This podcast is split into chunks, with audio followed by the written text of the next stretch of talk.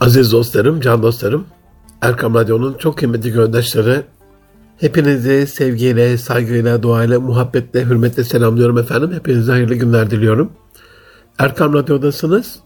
Münir Arıkan'la Nitelikli İnsan programında 2023'ün 12. programında 3 haftadan beri devam eden serimizin son programı olarak liderlik vasıflarını, durumsal liderlik vasıflarını inşallah anlatmaya gayret edeceğim. Bugün de tahmin ediyorum bu seriyi bitirmiş olacağız. Can dostlarım hatırlayacağınız üzere bu yaşadığımız büyük afet dolayısıyla etki alanımı, ilgi alanımı, sorumluluk alanımızdaki işleri yapmak mı yoksa başkalarına işleri nasıl yapacağıyla alakalı akıl fikir vermek mi? Bir şeyleri yapabiliyorken onunla alakalı sadre şifa olan, işe yarayan bir şeyler yapabilmek mi yoksa fikirler, projeler üreterek üzerimize vazife, olmayan konularda ahkam keserek ya da kötülerin en kötüsü malayani konuşarak günaha girmek mi? Bunu konuşmaya devam ediyoruz. Ben Deniz Acizade 3 programdan beri bir durum yaşadığımızda durumdan vazife çıkartarak bizim üzerimize düşen mükellefiyetleri yapmakla alakalı bazı tavsiyelerde bulunuyorum ki bunların en önemlisi her bir ferdin, her bir gönüldaşımızın, dostumuzun kendi ilgi alanıyla alakalı alakalarını keserek etki alanında yani etkileyebileceği dar çerçevede sorumluluk alanındaki faaliyetlere yönelmesi gerektiğini sizlerle paylaşıyorum. Bu üç seride adaletli olmayı, alçak gönüllü olmayı, birleştirici olmayı, bir liderlik vasfı olarak çeşitliliği yönetebilmeyi, diversity management dediğimiz, çözüm odaklı olmayı, dayanıklı olmayı, delege edebilme yeteneğine ve gücüne sahip olmayı, ama tabii ki bir işi delege edecek bir insanı yetiştirmediyseniz emriniz altındaki ya da sorumluluk alanınızdaki kişilerle ilgili o delegasyonda yapamıyorsunuz. Disipline ve ön disipline sahip olabilmeyi, eğitimli olabilmeyi, eğitimli olmayı, ekibini, kendi ekibini geliştirmeyi, enerjik olmayı, esnek olmayı, farklılıklara saygı duyan bir insan olmayı, finans yönetiminde başarılı olmayı, gerekli yetenekleri işe alımda headhunter, brain hunter diyoruz ya, gayretli olmayı, geri bildirimlere açık olmayı, güvenilir bir kişi olmayı ve insanlara güvenmeyi, hedefimize yürekten, gönülden bağlı olmayı, iletişim yeteneğimizin, kabiliyetimizin iyi olmasını, inovatif düşünce geliştirerek sıra dışı gemileri kardan yürüten ceddimiz dediğimiz Fausto Mehmet Hazretleri gibi sıra dışı çözümler üretebilmeyi, işbirliğini ve takım çalışmasına yatkın olmayı konuşmuştuk. Aziz dostlarım 22. maddede bir insanın durumsal liderlik vasfına sahip olabilmesi için karar verme yeteneğine sahip olması, verdiği kararların arkasında durması ve bu konuda da kararlı olması gerekiyor. Bu arada decision making, decision making dediğimiz decision, karar making yapmak biliyorsunuz.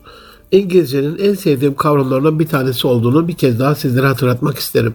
Yani karar almak mı, karar vermek mi, Yoksa karar yapmak mı? Herhalde karar birlikte yapılan bir unsur olarak çok daha decision making konseptinde e, etkili görünüyor. İçinde istişareyi de barındırıyor çünkü danışmayı da barındırıyor.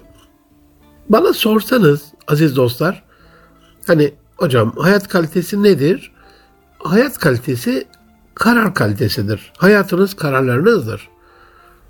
Adem babamız cennette Hava validemiz ondan evvel bir karar verdiler melun şeytanın, lanetlenmiş şeytanın o vesveselerine, tuzaklarına kanarak maalesef o yasak meyveden, yasak ağaçtan yemekle alakalı bir karar verdiler. Ama biliyorsunuz Hz. Adem babamızda Hz. Adem Aleyhisselam'a atfedilen Meleklere sorsaydım, çevremde çepeçevre beni kuşatmış olan, yanı başımda olan, hatta ilk konuşmamı, görüşmeni, görüşmemi yaptığım, selam verdiğim ve nasıl mukabele edileceğini onlardan öğrendiğim meleklere sormuş olsaydım hiç bu hata yapar mıydım diye Hazreti Adem babamıza ithaf edilen bir güzel bir kelam-ı kibarda bir cümlede var. Kaderimiz karar anlarında biçimlenir diyor Anthony Robbins. Dolayısıyla hani karar anları hayatın kader anları olduğuna göre buraların kalitesini artırdığımız hayat kalitemiz de artmış oluyor. Bir olayla karşılaştığımız zaman aman sendecilik vardır. Bu da bir karar vermedir. Ya ben, şimdi bununla alakalı ne yapabilirim ki? Bu da bir karardır. Ya başka birisi yapsın ben şimdi keyfimi bozmayın. Bu da bir karardır. Bir problem gördüğümüzde ya Rabbimizin bana bir bugün bir sorusu bu. Ben durumda vazife çıkartarak sorumluluk alanında bunu gördüysem sorumluyum diyerek üzerimize vecibe olan kısmı kadar bir şey yapmak, yapabilmek, çabalamak bu da bir karardır. Jean-Paul Sartre hayatı insan için yaşanılır kılan veya işkenceye dönüştüren kişinin kendi yaptığı seçimlerdir diyor. Dolayısıyla bu kararlarda aslında bir karteleden, bir menüden biz kendimize bir şeyler de seçmiş oluyoruz. Yapılabilecek bir sürü güzel şey varken yani konuşmalar peşinde, boş konuşmalar peşinde, faydasız eylemler peşinde koştuğumuz zaman bu da bir karardır ama sonucu itibarıyla durumda iyileşme sağlamayan, durumun sonucunu iyiye doğru çevirmeyen bir karardır ve Allah muhafaza kendi etki alanlarımızda etkileyebilecek, değiştirebilecek, dönüştürebilecek, daha iyisini, daha güzelini yapabilecek durumda, mekanda, konumda olduğumuz her işle alakalı herhalde bunun hesabı bize sorulacaktır. Dolayısıyla hani bir durum karşısında e, ben bu durumda ne yapabilirim?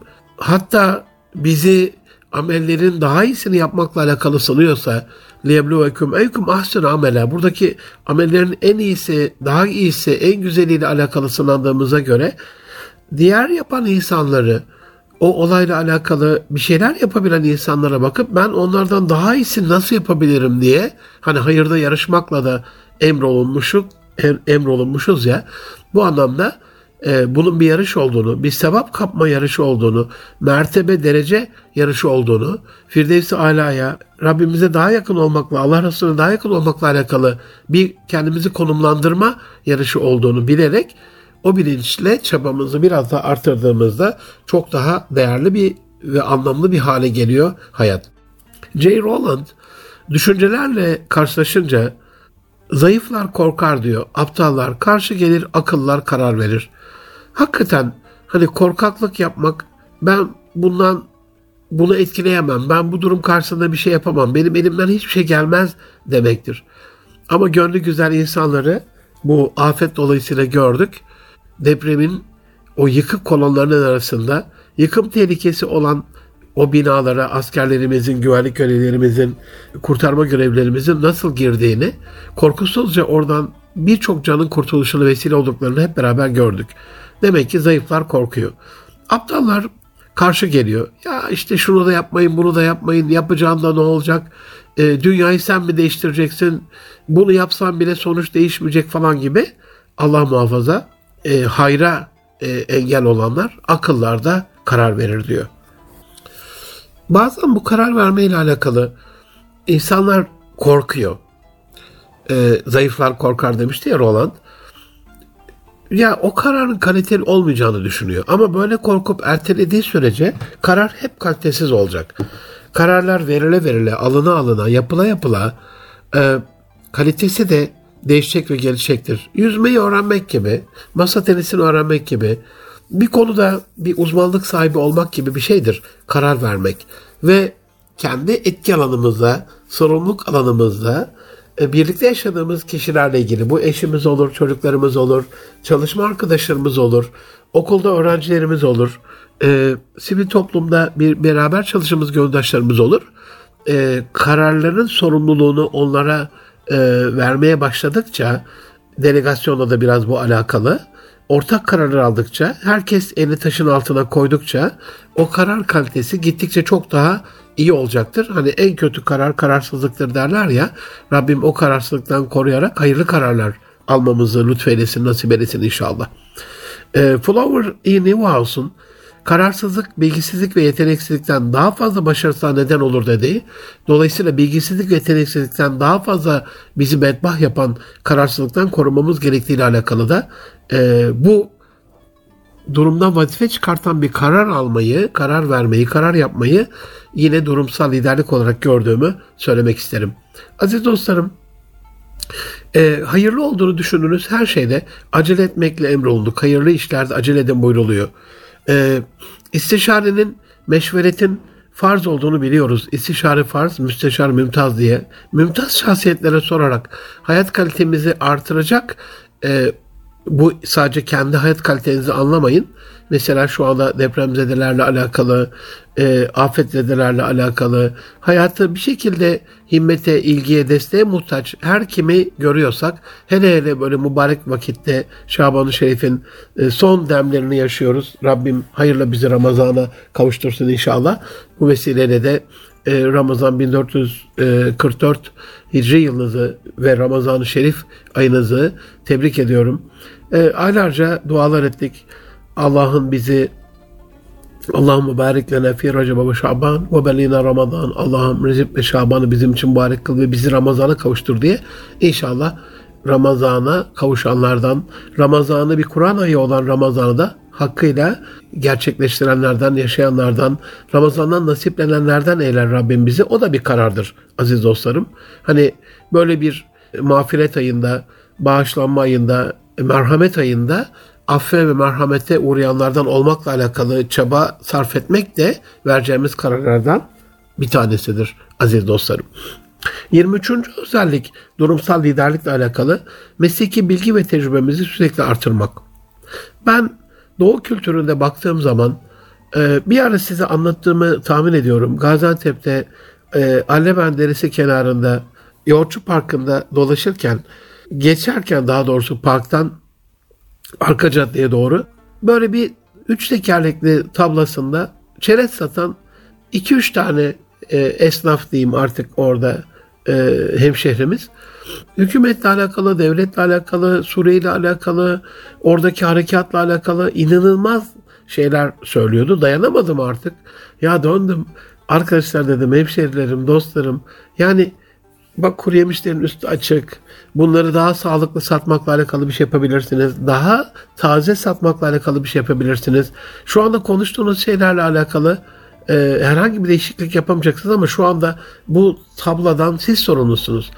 Çok mahcup oldular tabii ama aynı mahcubiyet kendimizde yaşamamız gerekiyor. Hani onu e, o kardeşlerime söyleyen bu zavallı gönüldaşınız da sanki hani hep kendi işine mi odaklanıyor? Biz de maalesef zaman zaman farklı alengirli işlere dallandırıp budaklandırıp konuyu e, ilgi alanımızla ilgilendiğimiz, etki alanımızı boş bırakarak, asıl sorumlu olduğumuz alanı boş bırakarak manayani konuşmalara daldığımız oluyor. Rabbim cümlemizi affeylesin. Bu ana işimize odaklanmak bu yüzyılın en önemli unsurlarından bir tanesi. Biliyorsunuz Ahi Evren dedemiz de buna çok önem vermiş e, aziz dostlarım. Zaten hani benim zannımca kadim Osmanlı geleneğinin en önemli iş unsuru ahilerin pabucu dama atılana kadar ustaları tarafından o işte istikrarlı olmaları. Bu mesleki bilgi ve tecrübe dediğimiz şey istikrarlı olmadan e, olmuyor. Çünkü hemen oluşmuyor, hemencecik oluşmuyor mesleki tecrübe. Uzun bir süre sırat-ı müstakim üzere o işe kafa yorup püf noktasını öğrenip kendi işimizi daha iyi nasıl yapabiliriz odaklandığımızda başarı geliyor. Biraz mesleki bilgi ve tecrübenin noksan olması az evvel anlattığım o ilgi alanımızda aslında soru kitapçığımıza bakmadan başkalarının soru kitapçığıyla ilgilenmek gibi de bu bir sınavda. Sınavdaysak kendi hayat sınavımızla alakalıdır. Asıl bize sorulacak sorulara odaklanmamız gerekmiyor mu? Mesleki tecrübenin hani bir durumsal liderlikle alakası kendi yeteneğimizi keşfedip onu istikrarla geliştirmemize bağlı olduğunu da düşünüyorum. Yani fıtratımıza uygun bir işi yaparak, o işi severek yaparak ve o tecrübemizi sürekli artırarak, iki günümüzü eşit tutmayarak, onda en ileri duruma gelme gayretiyle, vizyonuyla çalışarak ancak insanlara daha faydalı oluruz. Bazen can dostlarım itiraz ediyorlar hocam en iyi olmak zorunda mıyız? E, elbette en iyi olmak zorundayız. Ben herkes cumhurbaşkanı olacak, başbakan olacak, işte bakan olacak, milletvekili olacak, doktor olacak, asker olacak, polis olacak, öğretmen olacak. Hayır böyle bir şey söylemiyorum. Ama her bir fert dünya içerisinde, dünya üzerinde hangi görevi yapıyorsa onu daha güzel yapmakla alakalı bir çabanın içerisine girecek. Bugünkü hali dünkü halinden çok daha iyi olacak. Dünün güneşiyle bugünün çamaşırının kurumadığını bilecek, anlayacak, kendini geliştirecek, her gün bir adım ileri, bir basamak yukarı çıkacak. Aziz dostlarım, e, bir anlamda bu mesleki bilgi ve tecrübede de başkalarının tecrübelerinden, tecrübelerine faydalandığımızda aslında bir anlamda ömrü de uzatmış oluyoruz. Hani 30 yaşında bir genç kardeşimiz 50 yaşındaki bir büyüğünden tavsiye alırsa bu tavsiye ona 50 yıl kazandırıyor. Yani tecrübe yaşı 80 oluyor. Ömrü 50 yıl uzamış oluyor. Bu anlamda ömrü bereketlendirmeyle de alakası olduğunu lütfen unutmayalım. Ben aile koçluğunda yani çok hayıflandığım, çok böyle üzüldüğüm bir noktadır. Yani bir birçok aileye koçluk danışmanlık yapıyoruz, görüyoruz aile şirketlerinin durumlarını. Tecrübe sahibi oluyoruz aslında bedel ödemeden onların bize anlattıklarıyla ve bunu danışan diğer aile koçluğu danışanlarımıza aktardığımızda onlar bize bir soru sorduğunda mesela bu evliliğin onlar için uygun olmadığını, bu eş adayının onlar için uygun olmadığını ya da özür dilemezse bu evliliğin devam etmeyeceğini, hatanın kendisi olduğunu farklı farklı konularda bilgi verdiğimizde geçmiş tecrübelerimizin, müktesebatımızın bir sonucu olarak onların hayatını daha iyi bir hale getirecek bir bilgi verdiğimizde buna uymuyorlar. Uymadıklarında onlar da tecrübe ederek o ayrılığı, o boşanmayı, o çocuklarına kavuşmamayı, o çocuklarla görüşmemeyi yaşamış oluyorlar. İşte bu benim en çok hayıflandığım olaylardan bir tanesidir. Halbuki olayın daha başında tecrübeye güvenerek geminin rotasını biraz daha hedefe uygun bir yere çevirmek mümkünken e, dik başlı bir şekilde şeytana uyduklarında sonuç kötü oluyor. Sonuç kötü oluyor ne kelime? E, sonuç en berbat, e, en rezil bir şekilde onların aleyhine sonuçlanmış oluyor. Onun için insanların yaşadığı ve bedellerini ödeyerek tecrübe sahibi olduğu konularda ortak akıllı kullanmak, istişare etmek, meşveret makamını, e, aracını kullanmak herhalde durumsal liderliğimizle alakalı bizi çok daha iyi bir hale getirecek. Liderlik o değil mi zaten? Hani daha iyi bir yönetim, e, daha iyi bir yöneten olabilmek değil mi? Bu ortak aklı kullandığımızda da tecrübeleri kullanıp insanlara daha iyi bilgi verdiğimizde durumumuzda daha iyi olmuş oluyor.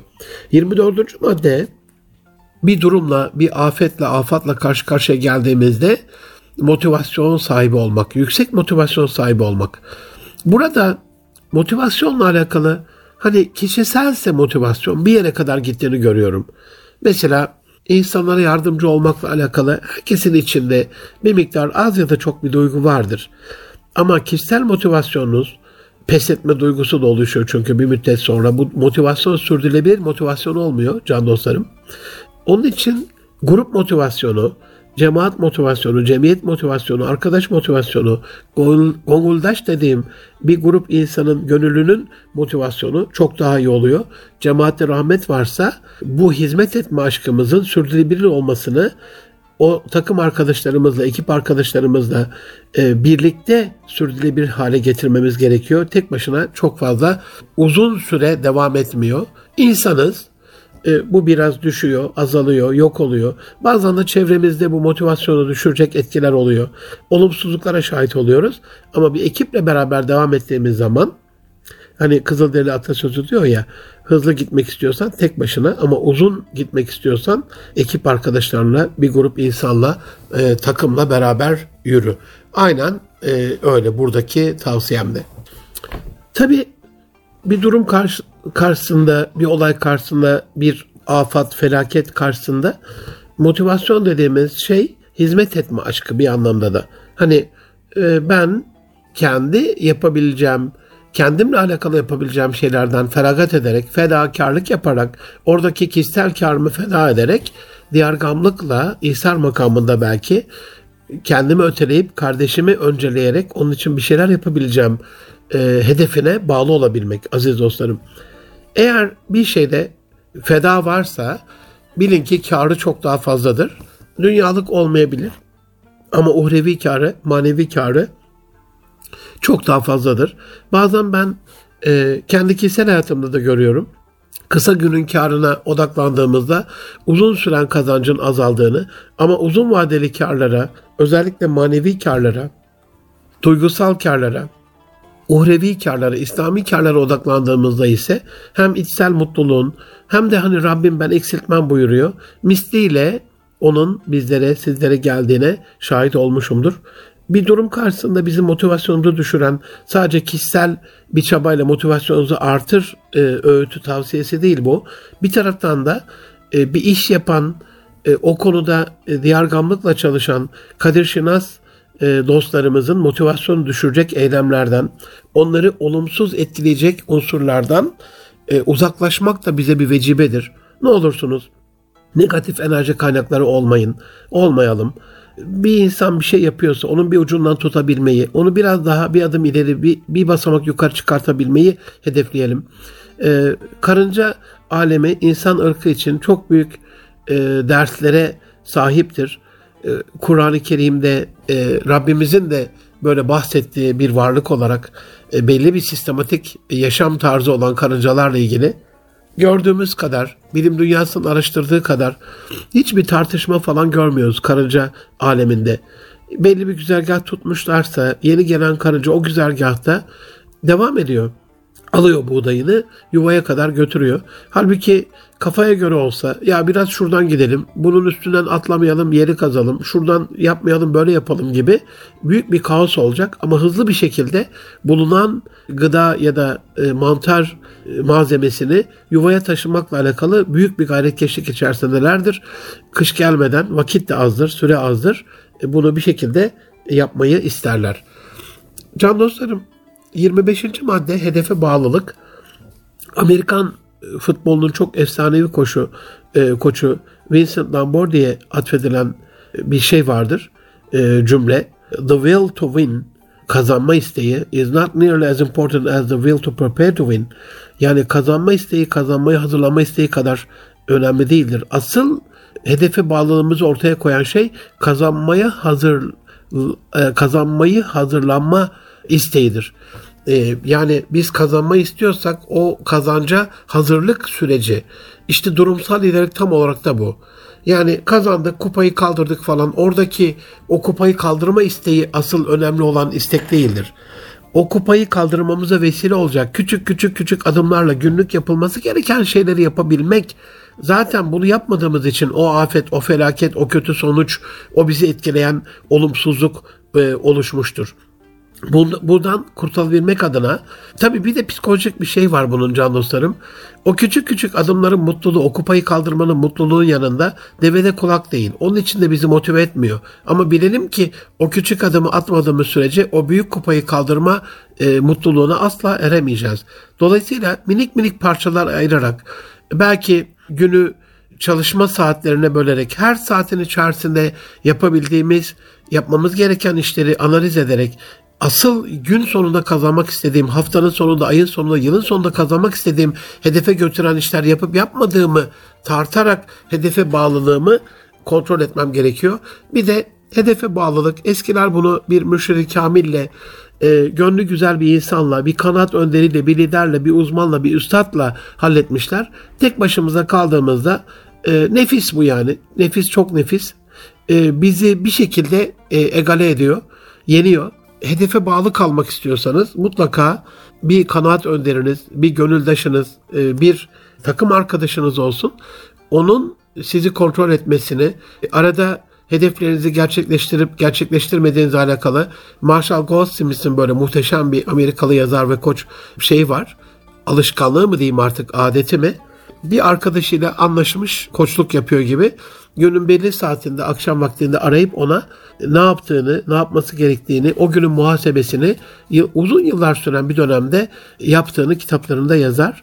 Bu anlamda bizim de hedefe bağlı olup olmadığımızı tabi bunun için de elimizde bir rota olması lazım. Fe'ine tezebun ayeti kelimesini dilimizde virt ederek İnşallah Ramazan ayı, Kur'an ayı diye yeniden hatırlatmak istiyorum. Kur'an-ı Kerim'le biraz daha haşır neşir olarak bu gidişin nereye olduğunu, dolayısıyla hedefe bağlı olup olmadığımızı kendimiz de e, bir miktar tartarak ama daha fazlasıyla bir gönüldaşımıza kendimizi değerlendirmesini isteyerek çok daha hedefe bağlı olabiliyoruz. Aziz dostlarım, ben Deniz Münir Arıkan. Erkan Radyo'da Netik İnsan programındasınız. Kısa bir aradan sonra az sonra yeniden durumsal liderliğin kalan unsurlarını sizlere arz ederek inşallah programı bitireceğim. Az sonra görüşmek üzere efendim. Huzur bulacağınız ve huzurla dinleyeceğiniz bir frekans. Erkam Radyo, Kalbin Sesi. Aziz dostlarım yeniden birlikteyiz. Ben Deniz Münir Arıkan. Erkam Radyo'da Nitelik İnsan programında durumsal liderliği anlatmaya gayret edeceğim. Serinin dördüncü ve son programında. Şu ana kadar anlattığım 25 maddede bir durum karşısında, bir afat ve afet karşısında ilgi alanını bırakıp, maleyani konuşmaları bırakıp değiştiremeyeceğimiz şeyleri konuşmaktansa ben ne yapabilirim, nerede bir fark yaratabilirim konusuna odaklanmanın çok daha önemli olduğunu, bunun da bizi durumsal lider yapacağını sizlerle paylaşıyorum. 26. madde multidisipliner bilgelik yani lider olmak istiyorsak tek bir uzmanlık alanında o uzmanlık alandaki bilgimizle durumsal liderlik yapamayacağız. Farklı bilgi dallarından farklı bilgileri konuya dahil etmek, farklı bilge insanları konuya dahil etmek, çözümü onlarla birlikte yapmak, onlarla istişare ederek o işi sonuçlandırmak yaptığımız işi mükemmelleştirecektir. Zaten lidere e, düşen işi kaliteli, nitelikli, e, becerikli, güzel yapmak değil mi? Bunu sadece tek bir disiplinle yapamayacağız. Farklı kişilerden, uzmanlık dallarından kişileri koleksiyonumuza katmak ve onlarla sürekli istişare etmek de işin sonucunu mükemmelleştirecektir. 27. madde network dediğimiz sosyal bağlantı gücü, sosyal zeka da diyorlar şimdi uzmanlar buna ya da sosyal sermaye diyorlar. Hani insan kıymetlerine intellectual capital diyor Amerikalılar akıllı sermaye. Aynen böyle social capital olarak, sosyal sermaye olarak telefonunuzda kayıtlı ulaşabileceğiniz e-maille ya da bizzat giderek göreceğiniz kişi sayısının çokluğu ve onların da multidisipliner bilgelikle farklı farklı uzmanlık alanlarından olmuş olması sizin bağlantısal liderliğiniz de bir anlamda. Hani bağlantısallık en büyük güç diyoruz ya. Nedir bağlantısallık? Bir durum karşısında diyelim yerel yönetimlerle ilgili bir şey yapacaksınız. E, fen işlerinden bir tanıdığınız varsa, altyapıyla alakalı bir inşaat şirketinden tanıdığınız varsa, mimarlarla ilgili, mühendislerle ilgili bir tanıdığınız varsa yaşanılan o sorunu çözmekle alakalı sizin kurduğunuz network, yetenek ağı ya da kümesi çok daha etkili olacaktır. Bu anlamda network'ünüzü, koleksiyonunuzu geliştirme faaliyeti olduğunu hayatın unutmayın ve kişisel koleksiyonunuza birini kattığınız zaman onu imha etmeyin aziz dostlarım. 28. madde Covey'in proaktif olmak diye açıkladığı Etkili İnsanların Yedi Alışkanlığı kitabında okumanızı da tavsiye ederim. Hani Seven Habits of Highly Effective Person kitabında Stephen Covey 7 alışkanlık söyler dünyayı değiştirecek. 4'ü ayet-i kerime 3 hadis-i şerif olan muhteşem bir kitaptır. Hani bizim özümüzden beslenen ya da hakikati bulan, sünnetullah'a, adetullah'ı keşfeden bir yazardır bence Ricovey. Bu anlamda hani biz e, hayatta bir durum karşısında işte bu en son bu depremde yaşadığımız şekliyle reaktif olmak ya da proaktif olmakla alakalı iki tane seçenekle karşı karşıyayızdır. İnsan olarak kendi hayatımızdan biz sorumlu e, sorumluyuz fikri ya da bu bilinç proaktivitedir. Proaktif olmaktır. Yani davranışlarımız koşullarımızın değil kararımızın bir işlevidir. Ya ne yapayım işte babam bana e, şu kadar para vermedi. Babam bana bir ev almadı. Babam bana böyle bir etki vermedi demek reaktif olmaktır. Değerlerimizi duygularımızdan üstün tutmak e, proaktif olmaktır. Bazı şeylerin olmasını sağlamak için hem inisiyatifimiz hem de sorumluluğumuz olduğuna inanmak proaktif olmaktır. Proaktif insanlar o sorumluluğu içtenlikle kabul ederler aziz dostlarım.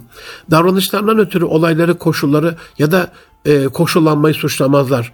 Davranışları temelinde duygular olan koşulların ürünü değil, temelinde değerler olan kendi bilinçli seçimlerinin ürünü olduğuna inanırlar. Böyle olunca da sorumluluk onlardadır.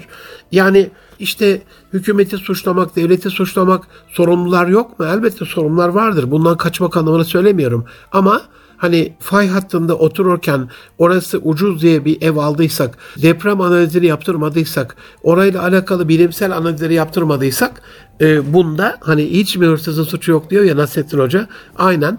Diğer suçu başkalarının üzerine atmaktansa kendi sorumluluğumuza odaklanmaktır proaktivite.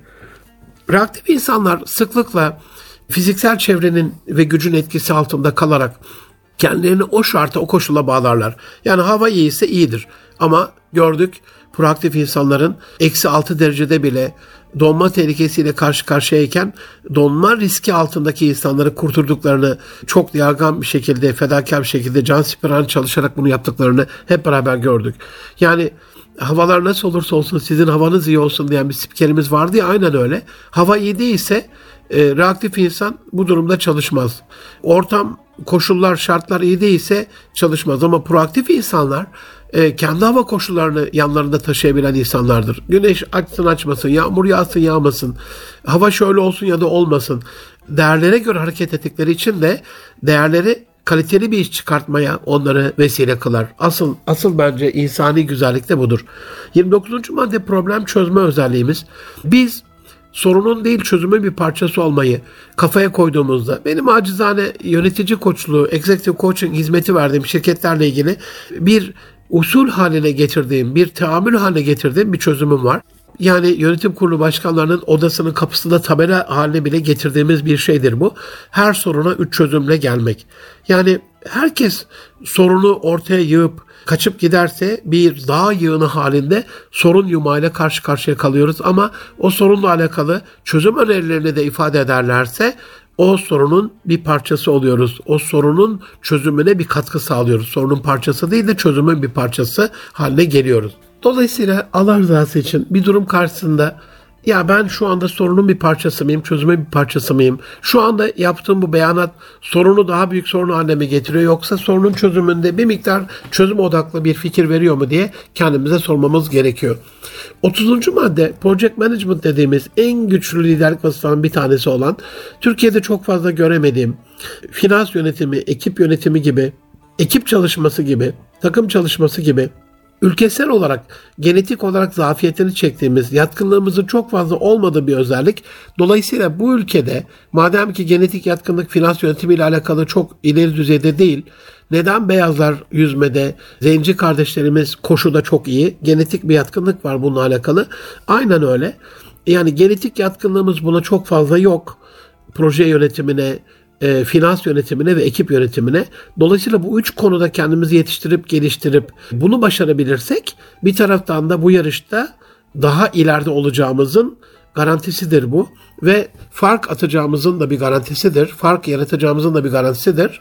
Proje hayat bir proje yönetimidir aziz dostlarım. Ee, baştan bir fizibilite raporu hazırlanmadan, bir business plan, e, iş planı hazırlanmadan e, ve günlük, haftalık, aylık ne kadar yapabiliyorsak yıllık bunu e, dilimlere ayırıp hangi kaynaklara ihtiyacım var, hangi zaman diliminde bunları yapmam gerekiyor diye o projeye de uymadığımda zaten başarı gelmiyor. 31. madde risk yönetimi. Yavuz Sultan Selim'e atfedilen cesaret insanı zafere, kararsızlık tehlikeye, korkaklık ise ölüme götürür cümlesinde olduğu gibi riski yönetebilmek de o risklerden kaçmakla alakalıdır.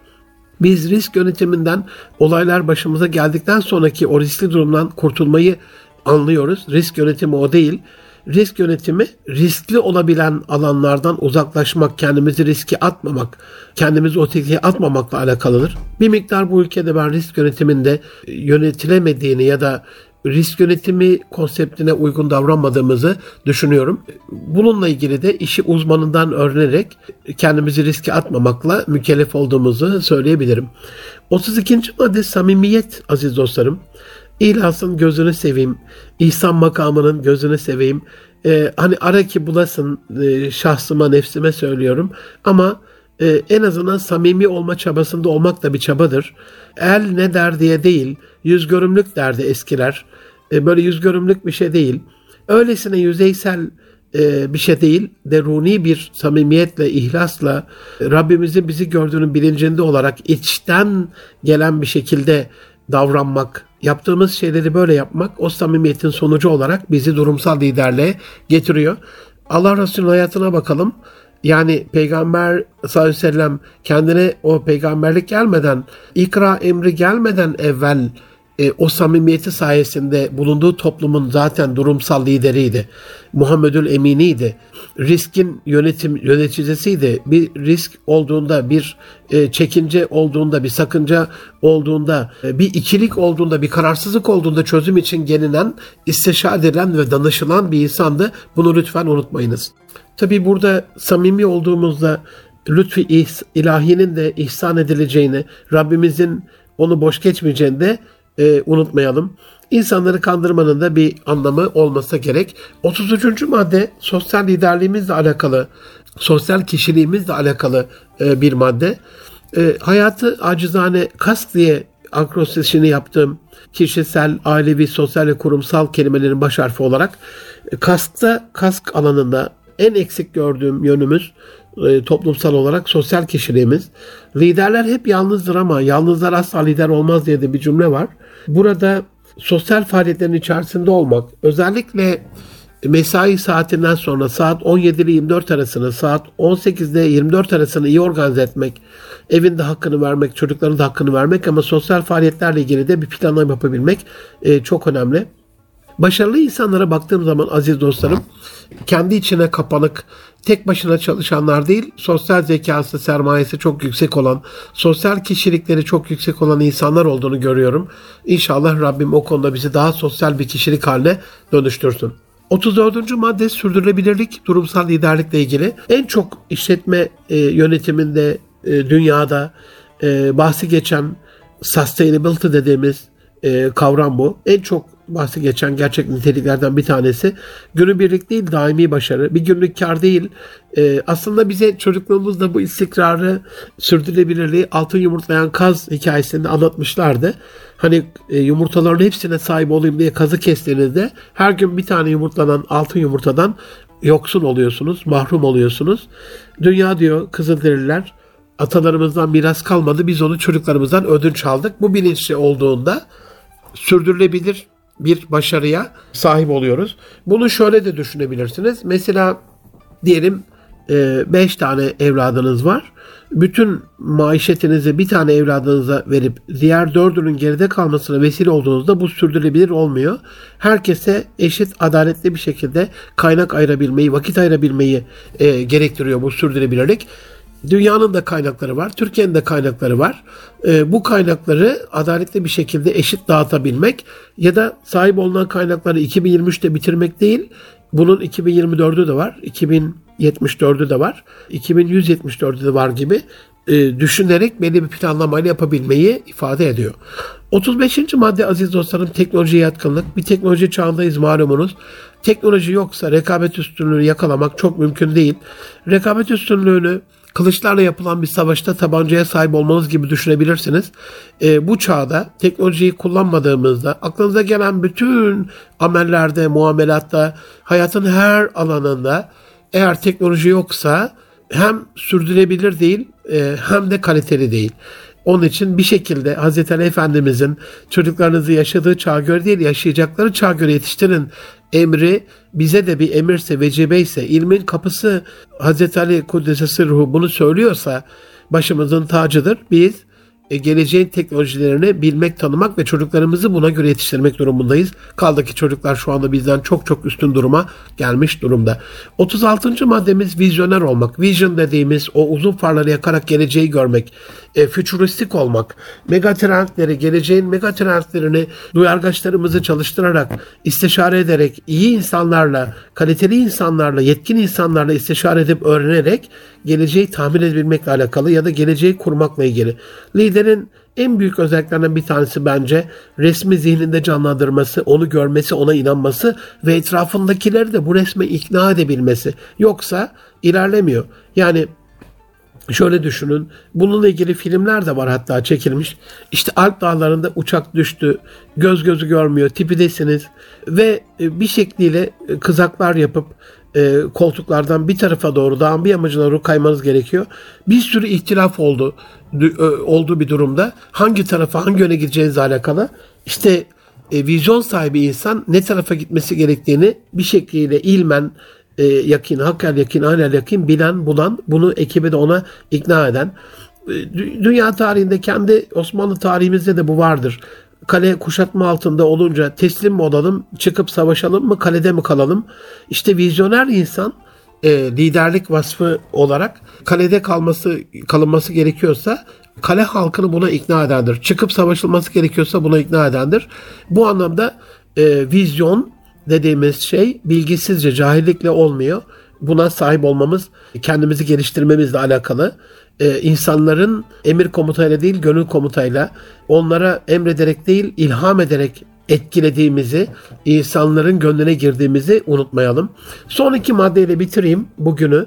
Bunlardan Ee, bir tanesi e, bu yüzyılda yeni yeni işletme birimi literatürüne giren yönetişim. Yani şeffaflıkla, açıklıkla, açık yüreklilikle hesap vererek e, katılımcı bir şekilde tek başına değil, e, etkinliği sağlayarak hukuka bağlı ve toplumsal e, sorumlulukla yönetebilme ergi iletişimle yönetimin birleşimi olan bir kavram yönetişim deniyor. Şirketler, aileler, sivil toplum kuruluşları, vakıflar, dernekler, okullar, üniversiteler, devlet artık yönetim değil yönetişim konseptiyle çepeçevre kuşatılmış durumda. Bu anlamda hesap verilebilir bir yönetimi kurmak, yönetimin hesap verilebilirliğini sağlamak da e, durumsal liderlik vasfımızı artıran bir özellik. Bunu söylediğim zaman hemen aklımıza devlet geliyor. Aziz dostlarım ben bu programı hazırlarken hani e, cürmümüz kadar e, sorumlu olduğumuzun bilinciyle mesela ailede nasılsınız? Ben asıl onun peşindeyim. Toplumun en küçük yapı taşıysa hani bunu ailede yapamadığımızda devlette de yapamıyoruz. Şeffaf, açık, hesap verilebilir bir aile yönetimi kurmadan, şirket yönetimi kurmadan devlette de bunu maalesef kuramıyoruz. Ve son olarak zaman yönetimini vel asr diye adına yemin edilen insanın en önemli kaynağı olduğunu söylüyor Peter Drucker. En değerli kaynağıdır diyor. O iyi yönetilmiyorsa hiçbir şey yönetilmiyor demektir. E, bu anlamda bu saydığım bütün durumsal liderlik vasıflarıyla alakalı e, 37 unsurun hepsini kendi arasında çok iyi yönetebilmek için de zamanı iyi yönetebilmek gerekiyor. Bill Gates'in e, Thinking Week diye ya da Think Week diye düşünce haftası, düşünebilme haftası diye bir usulü var. E, daha üst düzey bir seviyeye çıkabilmekle alakalı yılda bir hafta inzivaya çekilip 20 tane kitap alıp yana, yanına onları okuyup tefekküre daldığını biliyoruz. Ben en son Bill Gates'in Thinking Weeks yaparak, düşünce haftaları yaparak, bir müddet sonra da düşünce ayı Thinking Month yaparak Allah Resulü Farikant Efendimiz sallallahu aleyhi ve sellem Efendimizin e, Ramazan itikafına dünyanın geleceğini düşünüyorum. Kaylole'de buna geldiler. Öyle uykusu şu anda birçok batı ülkesinde sendikal bir hak. Hatta şirketler bununla ilgili öyle uykusu odaları kurmak zorunda çalışanlarına. Nasıl ki buna geldilerse, öyle uykusunun bereketinden faydalanıyorsa, seher vakti rızık ve ilimle alakalı büyük bir bereket kaynağıysa, nasıl Almanya 4'te 5'te ayaktaysa, tefekkürle alakalı Ramazan itikafına da geleceklerini düşünüyorum. Onların gelmesini beklenen bir alemi yok, bir anlamı yok. E, bu vesileyle ben 1444 Ramazan ayınızı e, tebrik ediyorum ama Ramazan ayında iki şey inşallah programlarda zaten Ramazan programında konuşuruz ama e, hazır şimdi e, eşiğindeyiz, kapısındayız e, bugün itibarıyla.